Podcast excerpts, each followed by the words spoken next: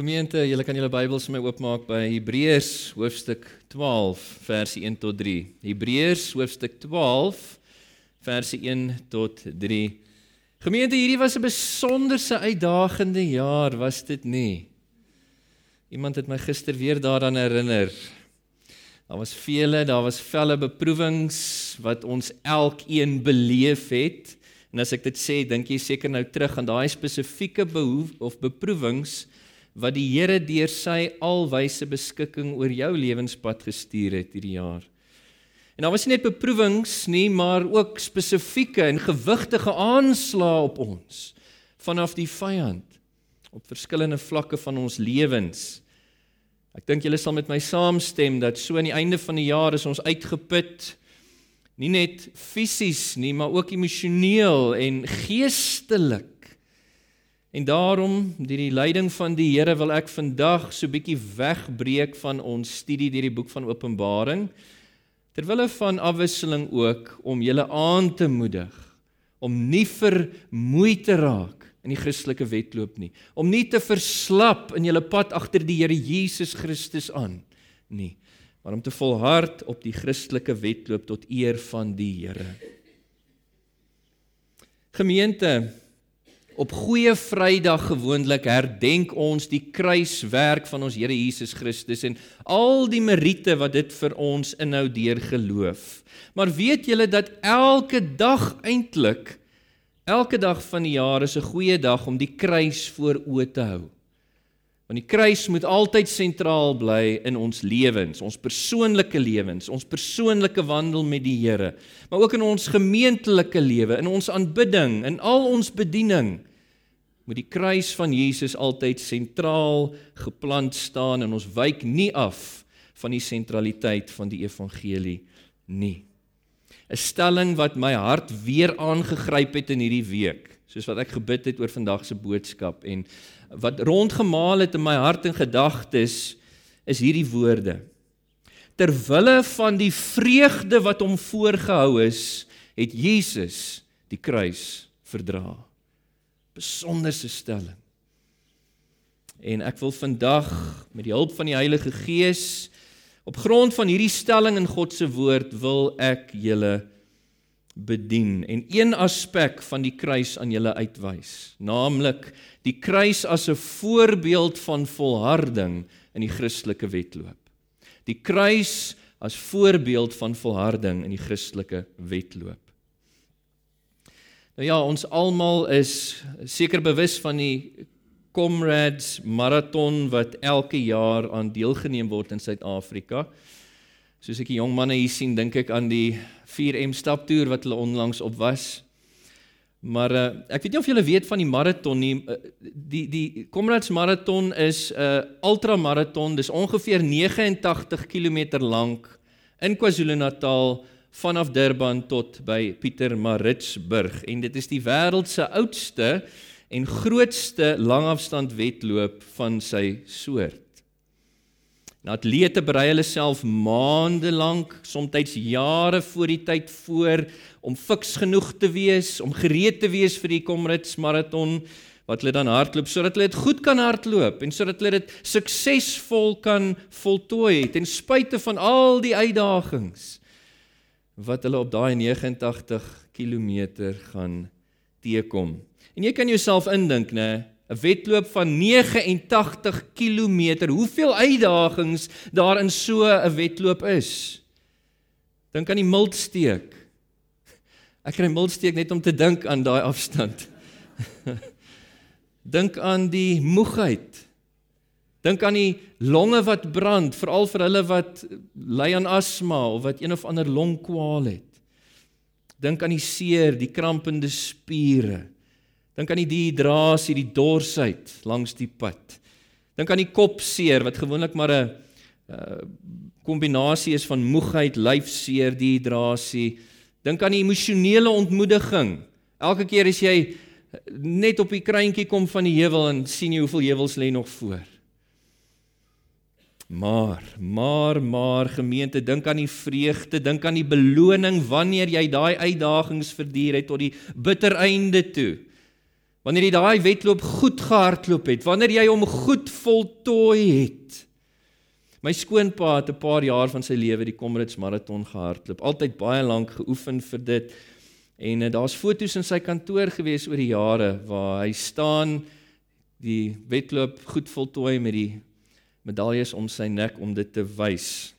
'n Breë glimlag. Ek dink jy kan net glimlag na die tyd met so wedloop. Maar weet julle geliefdes, die Bybel en spesifiek ons teks vandag vergelyk die Christelike lewe met 'n lang afstand wedloop waarin daar volhard moet word te midde vele uitdagings en beproewings langs die pad. Die uitdagings in die Christelike wedloop maak dit maklik om vermoeid te raak langs die pad en om dan ook te verslap in daai wedloop.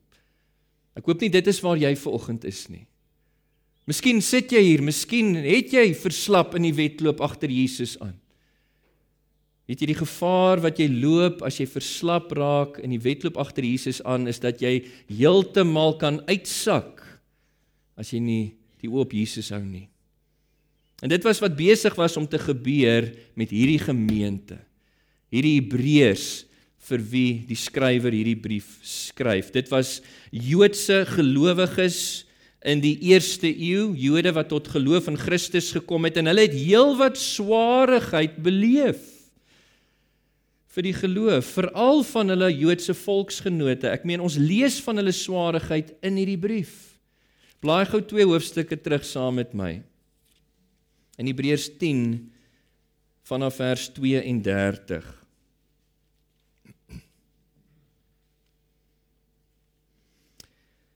Die teks sê vir ons onthou die vorige dae waarin julle toe julle verlig geword het. Met ander woorde toe hulle deur wedergeboorte Christene geword het. Hoe julle 'n groot die Afrikaanse ou vertaling sê 'n groot lydensworsteling deurstaan het. Dit beteken maar net 'n groot stryd van lyding deurstaan het. Hulle het veragting, verwerping gelei veral vanaf hulle Joodse volksgenote, gedeeltelik omdat hulle deur smaad en verdrukkinge 'n skouspel geword het. Gedeeltelik omdat julle deelgenote geword het van die wat in so 'n toestand verkeer het, want julle het ook saam met my gevoel in my boeye. En julle het die berowing van julle goed met blydskap aanvaar omdat julle geweet het dat julle in julleself 'n beter en blywende besitting in die hemele het. Selfs hulle eiendom was ter wille van Christus geplunder, gekonfiskeer. En volgens die boek blyk dit asof sommige van hierdie Hebreërs vermoeid geraak het en verslap het op die pad agter Jesus aan. Dit is hoekom hierdie brief geskryf was aan hulle. Sommige van hulle lei ons af het reeds uitgesak uit die wedloop uit. Skibreek gelei aan die geloof. Ons lei dit af vanuit Hebreërs 6 vers 4 tot 6. En die skrywer is veral bekommerd dat hierdie Hebreërs heeltemal sou terugval na hulle voormalige valse verdoemende godsdiens, naamlik Judaïsme. Die skrywer bied dan in hierdie brief, die brief Hebreërs aan hierdie ons kan hulle noem die vermoeiende, die die verslappende Christene sterk argumente en vermaanings om te volhard in die Christelike wedloop. Dat hulle nie sal uitsak nie. En spesifiek in ons teks hou hy die kruis van Jesus Christus aan hulle voor as die vooraanstaande, die prominente voorbeeld van volharding om hulle te motiveer om gelowig te volhard agter Jesus aan. En dis wat die Here vir ons ook wil doen vanoggend, gemeente. Vir jou en vir my. Die Here wil ons aanmoedig vanoggend tot volharding in die Christelike wedloop deur aan ons ook dan nou vanoggend die voorbeeld van die kruis voor te hou. Sodat ons nie so sommige van hierdie Hebreërs sou vermoeid raak langs die pad. Verslap in die wedloop nie. Nee, maar dat ons eerder die Christelike wedloop goed sal hardloop en tyd sal hardloop met volharding en dit goed sal voltooi tot eer van die Here. Kom ons lees die teks saam met dit as inleiding. Die skrywer aan die Hebreërs skryf dan aan hierdie gelowiges daarom. Onthou, hy het nou gepraat oor die geloofshelde in hoofstuk 11 wat volhardheid in die geloof tot die einde toe en dan sê hy daarom terwyl ons ook so 'n groot wolk van getuies rondom ons het laat ons van elke las ontslaa raak van die sonde wat ons so maklik omring en die wedloop wat vir ons voorlê met volharding hardloop die oog gerig op Jesus, hy wie die leidsman en die volëinder van die geloof is. Hy wat ter wille van die vreugde wat vir hom in die vooruitsig gestel is, die kruis verduur het, die skande daarvan gering geag het en sy plek aan die regterrand van die troon van God ingeneem het. Dink inderdaad aan hom wat so 'n vyhandige gesindheid van die kant van sondaars teen hom verduur het sodat julle nie geestelik moeg raak en uitsak nie. Net tot sover uit die woord van die Here. Gemeente, kom ons sluit ons oë en vra die Here se hulp. Hemelse Vader, ons dank U dat ons weer die voorreg het in die begin van hierdie nuwe week om die knie te buig voor U geïnspireerde, U gesaghebende, U foutlose, U algenoegsame woord, die Bybel. Here, u woord is vir ons kosbaar, dis vir ons die hoogste bron van gesag en waarheid. En ons wil vra dat u nou deur die werking van die Gees daardeur sal praat met elkeen van ons. Kom bemoedig ons, kom daag ons uit, Here. Dit alles tot u eer deur die verkondiging van u woord. Amen. Gemeente, die skrywer aan die Hebreërs wil hê dat sy lesers, beide sy oorspronklike lesers, die Hebreërs, maar ook jy en ek wat hierdie brief vandag lees, dat ons verseker moet weet dat dit inderdaad moontlik is om die Christelike wedloop goed te hardloop en om dit goed te voltooi. Met 'n vaste geloof, selfs te midde vele groot uitdagings Om hierdie punt te maak, herinner hy sy lesers aan die groot wolk van getuies, die geloofshelde hier in vers 1. Hy kyk terug na wat hy geskryf het in Hebreërs 11 omtrent die geloofshelde wat die geloofstryd ook goed gestry het en die wedloop ook goed volëindig het. En hy noem name soos Abel, die seun van Adam en Eva. Hy noem Henog wie met God gewandel het. Hy noem hierso in Hebreërs 11 Noag wat ook met God gewandel het. Hy noem vir Abraham wat genoem was die vriend van God, die vader van almal wat glo. Hy noem Sara hier, sy vrou. Hy noem Isak, Jakob, Josef, Moses, Ragab en so voorts word hier genoem. En hierdie geloofshelde gemeente, ek wil hê julle moet verstaan, hulle het elkeen verskriklike uitdagings gehad op hulle pad van geloof. Meeste van hulle groter uitdagings as wat die Hebreërs beleef het in die eerste eeu. Groter uitdagings as wat jy en ek vir die geloof vandag moet trotseer. En nogtans het hulle volhard. Nie in hulle eie krag nie, maar deur die instaatstelling van God se Gees. So dit is inderdaad moontlik. Die vraag is net hoe. Hoe volhard jy en ek op hierdie pad van geloof, die Christelike wedloop? Wel die teks bied vir ons twee uiters noodsaaklike maatreëls wat ons sal help om te volhard in die Christelike wedloop. Ek gaan nie na albei kyk nie, maar vir die doeleinde van hierdie boodskap vandag wil ek een van hulle uitlig en fo daarop fokus. Die skrywer beamoen indien ons met volharding die Christelike wedloop goed wil hardloop, goed wil voltooi, dan moet ons hardloop met die oog gefestig op Jesus die oog gefestig op Jesus. Kyk, dit is waar in die Christelike wedloop waarin ons gewikkel is, het ons 'n groot wolk van getuies rondom ons, soos die skrywer ons herinner hier in vers 1 van Hebreërs 12. Hierdie geloofshelde van Hebreërs 11 sit soos 'n skare op 'n paviljoen. sien dit in jou geloofsoë. Hulle sit soos 'n skare op 'n paviljoen. Hulle kyk toe hoe ons hardloop ons wie op die baan is. Hulle juig ons toe om hierdie wedloop goed te hardloop, goed te voltooi soos hulle dit eens voor ons gedoen het. En hulle is vir ons 'n mate eh, van 'n voorbeeld. Hulle is vir ons 'n motivering om hierdie wedloop goed te hardloop te midde die uitdagings. Maar geliefdes, maar beklemtoon die skrywer in ons teks by die wenstreep staan daar een, een met 'n hoofletter E. Hy is die vooraanstaande, hy is die mees prominente voorbeeld en motiveerder vir ons volharding op hierdie wedloop. En dit is Jesus Christus. En soos wat elke atleet nie sy oë op die paviljoene hou nie, maar op die wenstreep moet hou soos wat hy die resies hardloop. Word ons dan nou vermaan hier in Hebreërs 12 om die oë van geloof stip op Jesus te hou, hy wie ons inwag by die wenstreep. Is dit nie 'n pragtige gedagte nie, né?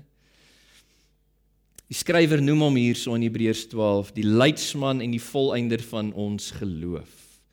Die woord leidsman, archeigon in die Grieks beteken die oorsprong, die begin van iets. Ek dink julle kan dit aflei uit die teks.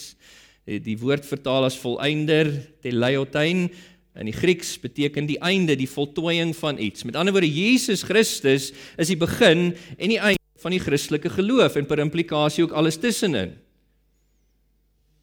Hierdie twee terme sluit die hele lewe van die Here Jesus Christus in. En die bedoeling is dat indien ons enige iets te wete wil kom rakende die geloof, ook met betrekking tot volharding daarin, dan is sy lewe die een wat ons moet dophou, aangesien hy die leidsman en die volëinder van die geloof is. Die woord wat hier gebruik word deur die skrywer onder die inspirasie van die Heilige Gees dat ons met die oë vestig op Jesus. En hierdie kwessie van volharding, dit kommunikeer aan ons, aan jou en my die idee van intensiewe konsentrasie. Ons met die oog van geloof vestig op hom en dit impliseer dat ons wegkyk van ander dinge wat ons aandag kan aftrek sodat ons mag fokus op sy voorbeeld. Nou wat presies is daai voorbeeld van Jesus waarop ons die oë van geloof moet vestig? Om ons te motiveer tot volharding in die Christelike wedloop te midde uitdagings. Gemeente, soos ek vir julle gesê het, die kruis van Jesus. Die kruis. Die skrywer skryf hierso vir ons, Jesus het vir die vreugde wat hom voorgehou is, die kruis verdra en die skande daarvan verag en daarna aan die regterhand van die troon van God gaan sit. Geen een van die uitdagings wat die Hebreërs beleef het. Geen een van die uitdagings wat jy en ek vandag beleef kan vergelyk word met daardie uitdaging wat ons Here Jesus moes beleef aan die kruis nie. En al die uitdagings wat deel was van daai kruisweg wat opgeloop het tot die klimaks toe hy gehang het aan daai ruwe hout op Golgotha. Hy het die kruis verdra Die die kruis was die klimaks van al die uitdagings wat hy in sy aardse bediening beleef het. En in hierdie stelling, hy die kruis verdra word vir ons amper ingesluit al daai ander uitdagings wat hy reg deur sy aardse bediening moes trotseer. Wat gepaard gegaan het met sy kruisweg. Ek wil julle herinner aan die uitdagings wat Jesus in sy lewe op aarde in sy menslikheid moes beleef. En ek doen dit sodat jy kan verstaan Jesus weet waardeur jy gaan. Ons kan vereenselwig met hom. Hy is ons goeie en barmhartige hoëpriester wat ook eens in ons skoene gestaan het. Dink bietjie aan die Here Jesus se behoeftigheid. Die behoefte, die tekort wat hy beleef het op aarde. Hy het eenmaal uh gesê toe iemand navraag gedoen het in Matteus 8 vers 20, die jakkals sê het gate, die voël selfs het neste, maar die seun van die mens het geen plek waar hy sy hoof kan neerlê nie. Groot tye van behoefte wat die Here Jesus beleef het. En dis nie al nie, dink aan die hartseer wat Jesus moes verduur op sy kruisweg. Ek meen ons het uh in Lukas 13 vers 34 daai stelling hoe bewoe Jesus was oor die verharding, die ongeloof van sy volksgenote. Hy het uitgeroep eens op 'n tyd bidend Jerusalem Jerusalem jy wat die profete doodmaak en die wat na jou gestuur is stene. Hoe dikwels wou ek jou kinders bymekaar maak soos 'n hen haar kykens onder haar vlerke maar jy wou nie. Hartseer. Dink aan die versoeking wat Jesus moes trotseer nê Ons lees in Markus 1 vers 13 dat na sy doop is hy deur God, die Gees in die woestyn ingeneem vir 'n tydperk van versoeking, 40 dae, 40 nagte lank was hy getuister deur die Satan en dit was maar net 'n voorsmaakie van die versoeking wat hy moes konstant deur sy aardse bediening beleef. En die teks sê vir ons hy was daar in die woestyn 40 dae lank terwyl hy deur die Satan versoek is. Hy was saam met die wilde diere, die engele het hom gedien. Jesus het ook versoeking as in sy menslikheid op aarde beleef. En dis nie al nie, dink aan die ontsteltenis wat Jesus by tye moes beleef. Ons lees dat Jesus by tye regtig baie ontsteld was met die godsdienstige leiers byvoorbeeld van die Joodse volk. Jy weet daar was een eh, geval gewees in Jesus se aardse bediening en jy sal onthou as ek dit noem, toe die godsdienstige leiers die tempel wat op daai stadium nog deur Jesus genoem was die huis van my Vader, wat 'n huis van aanbidding en gebed moet wees, hulle het dit omgeskep in 'n markplein ter wille van onregverdige winsbejag en die mense so uitgebuit in die tempel. Hoe Jesus rustig, nederig, sagmoedig sweep gevleg het en met heilige woede daarin gevaar het en hulle almal daar uitgejaag het, die tafels van die geldwisselaars omgekeer het. Gesê het hierdie is die huis van my Vader, dit moet 'n huis van gebed wees. Julle het 'n rowerspelonk gemaak. Johannes 2 vers 15. Ontsteltenis. Jesus het ook veragting en verwerping beleef op sy kruisweg. Ek meen dink bietjie aan toe hy die evangelie teruggeneem het na sy sy tuisdorp Nasaret toe. Ons lees in Markus 6 vers 1 tot 6, toe dit Sabbat geword het, begin Jesus daar in die sinagoge te leer. En baie wat hom gehoor het, was verslae. Hulle het gesê, "Is dit nie die timmerman, die seun van Maria, die broer van Jakobus en Joses en Judas en Simon nie? Sy susters nie by ons nie?" En hulle het aanstoot in hom geneem. Jesus het vir hulle gesê 'n profeet is nie ongeëerd nie behalwe in sy vaderland en onder sy familie en in sy huis. Dit is waar. Veragting, verwerping, hy het ook lewensgevaar beleef, né? Meen ons lees in Johannes 5 vers 18 dat die godsdienstige leiers, die fariseërs, die sadduseërs en tesame met hulle 'n groot deel van die Joodse volk het probeer om hom konstant dood te maak. Dis tye wat hy moes vlug vir sy lewe. Ek meen ons lees hier so in Johannes 8 5 vers 18, die Jode het toe nog meer probeer om hom dood te maak, omdat hy nie alleen die Sabbat gebreek het nie, maar ook God se eie Vader genoem het en hom met God gelyk gestel het. Jesus was bespot gewees. Jy onthou toe die Romeine voor sy geeseling het hulle vir hom 'n pers rok aangetrek, hulle het hom geblinddoek 'n doringkroon op sy kop gesit om met stokke geslaan vir hom gesê kom nou Christus profeteer wie het jou geslaan? Bespotting van die ergste graad. In Matteus 26 vers 68 hy het valse beskuldigings beleef. Die einste Matteus 26 vers 60 sê vir ons dat hy was in die nagtelike ure onwettiglik verhoor in die paleis van Kajafas. Die teks sê daar het baie valse getuies daar teen hom kom getuig en hulle kon niks teen hom vind nie. Is dit nie erg nie? Ek weet nie of julle ooit aan Jesus se aardse bediening so dink nie, maar dit is soos die profesie gesê het in Jesaja, 'n man van smarte, bekend met krankheid. Hierdie is maar net 'n fraksie van wat Jesus moes verdra op sy kruisweg soos ons teks sê. En ek wil vanoggend vir jou vra by wyse van toepassing. Is hierdie ook dinge wat jy beleef in jou omstandighede? Beleef jy behoefte en tekort? Beleef jy hartseer? Beleef jy versoeking? Beleef jy ontsteltenis? Beleef jy veragting en verwerping? Beleef jy gevaar? Beleef jy bespotting? Beleef jy valse beskuldiging? Geliefdes, Hebreërs 2 vers 17 en 18 sê Jesus is inderdaad 'n goeie en barmhartige hoëpriester, want hy het eens in ons skoene gestaan. Hy weet waardeur jy gaan. Hy het medelee en simpatie met jou omstandighede. Dit alles, die kruis en elke uitdaging wat dit ingesluit het, wat daartoe opgewerk het, dit het Jesus verdra. Waarom? Hoekom het Jesus dit verdra? Geliefdes, die teks sê vir ons hier want die vreugde wat hom voorgehou is. Dit het hom gemotiveer, daai vreugde.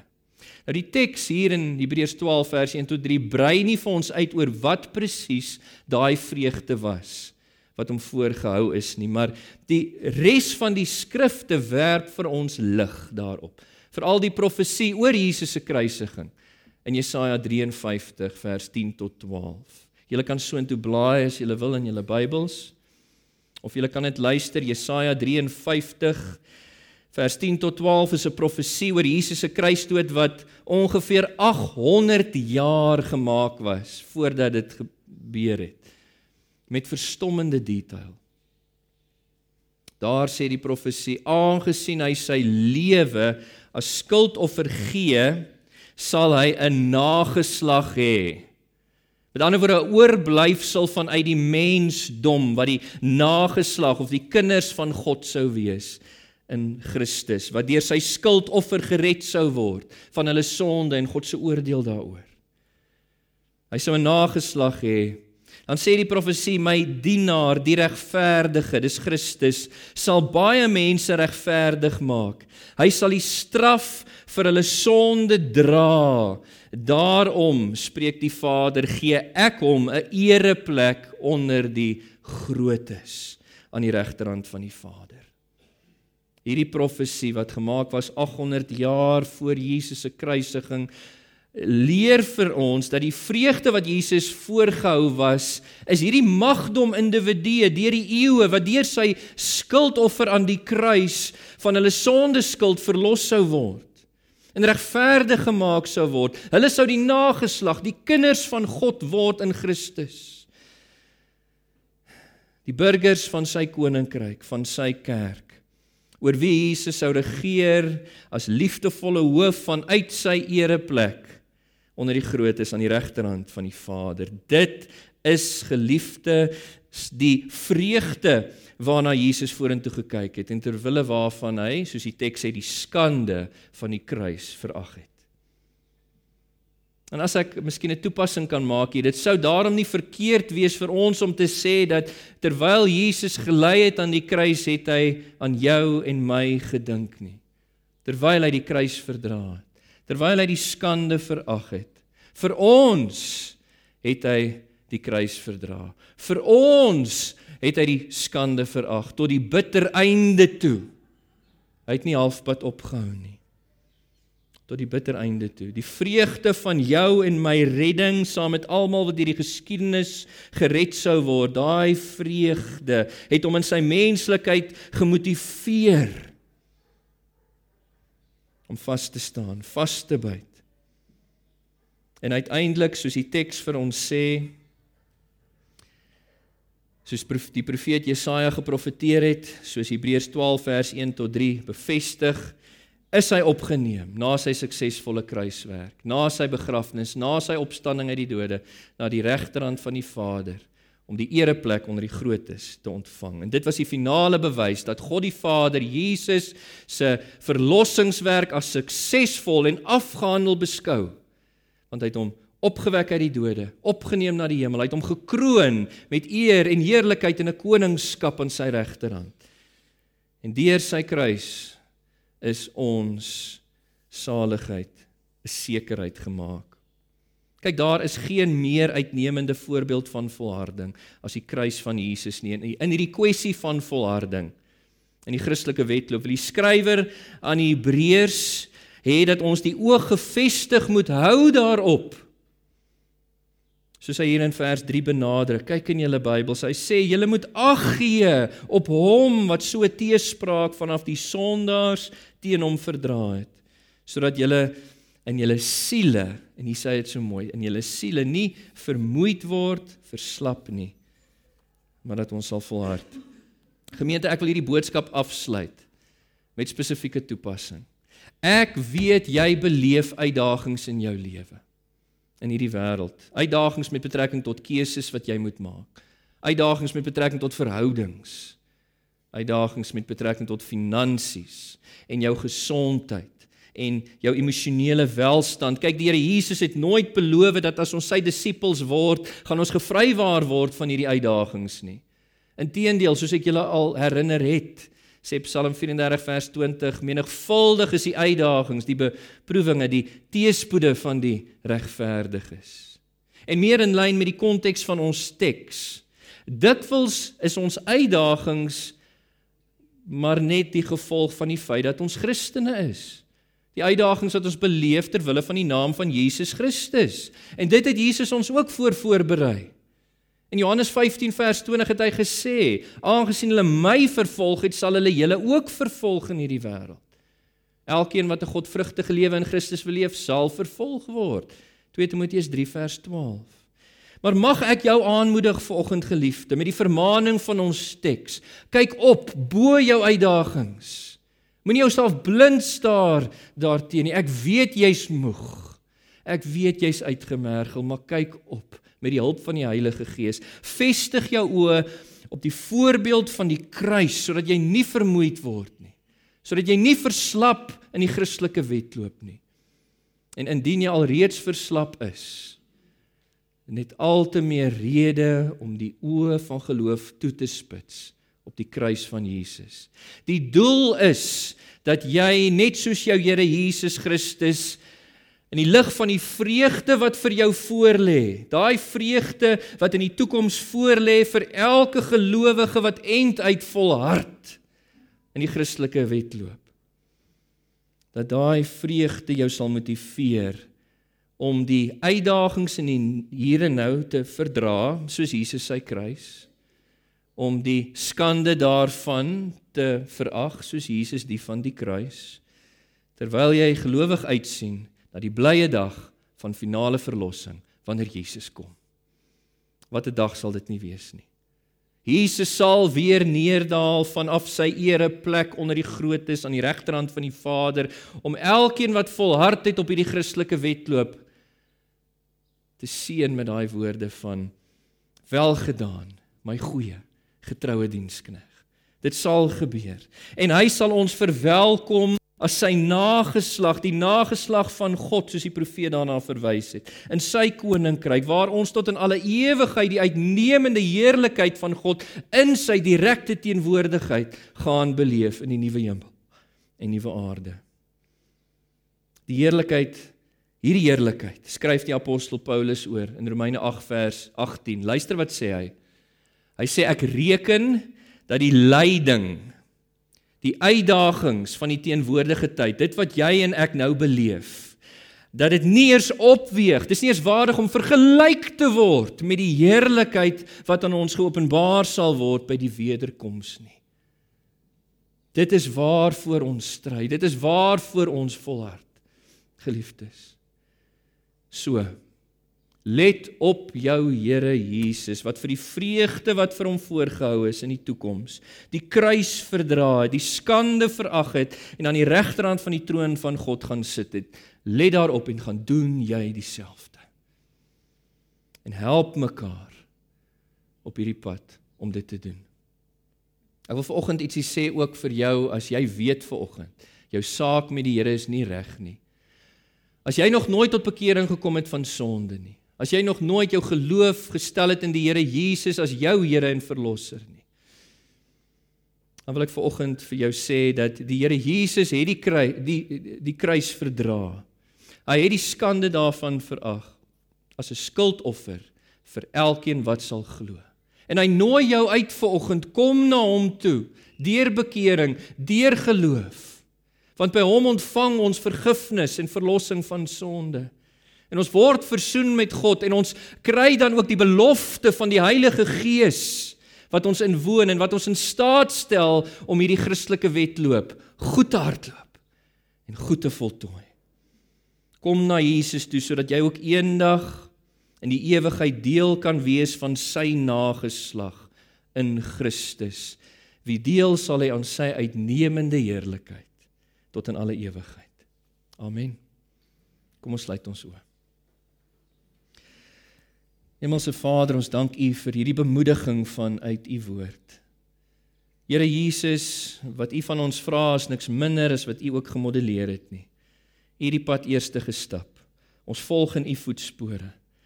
Help ons deur die instaatstelling van U Gees, Here, om U goed te volg.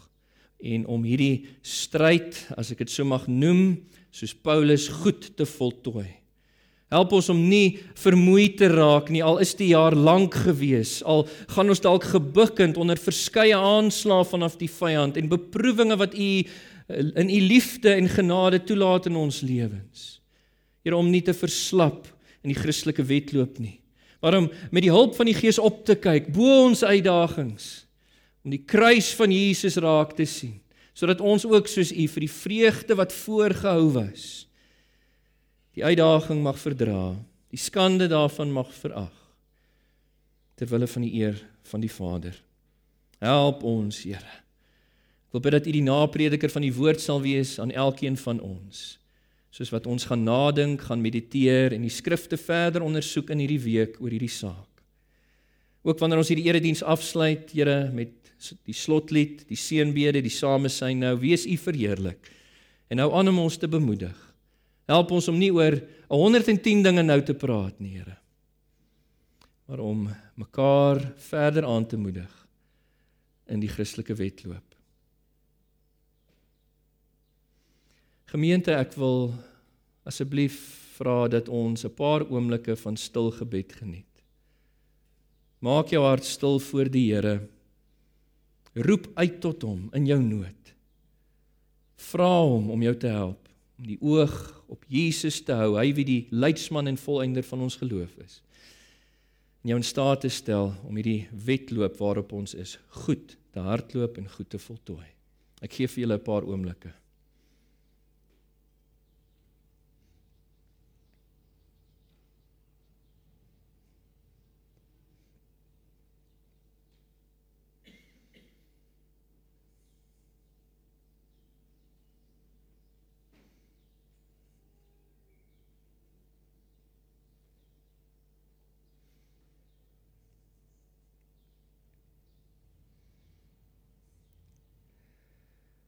Hemelse Vader, U het die gebede gehoor. In Jesus naam vra ons, Here, dat U sal verhoor ter wille van U eer in lyn met U wil. Amen.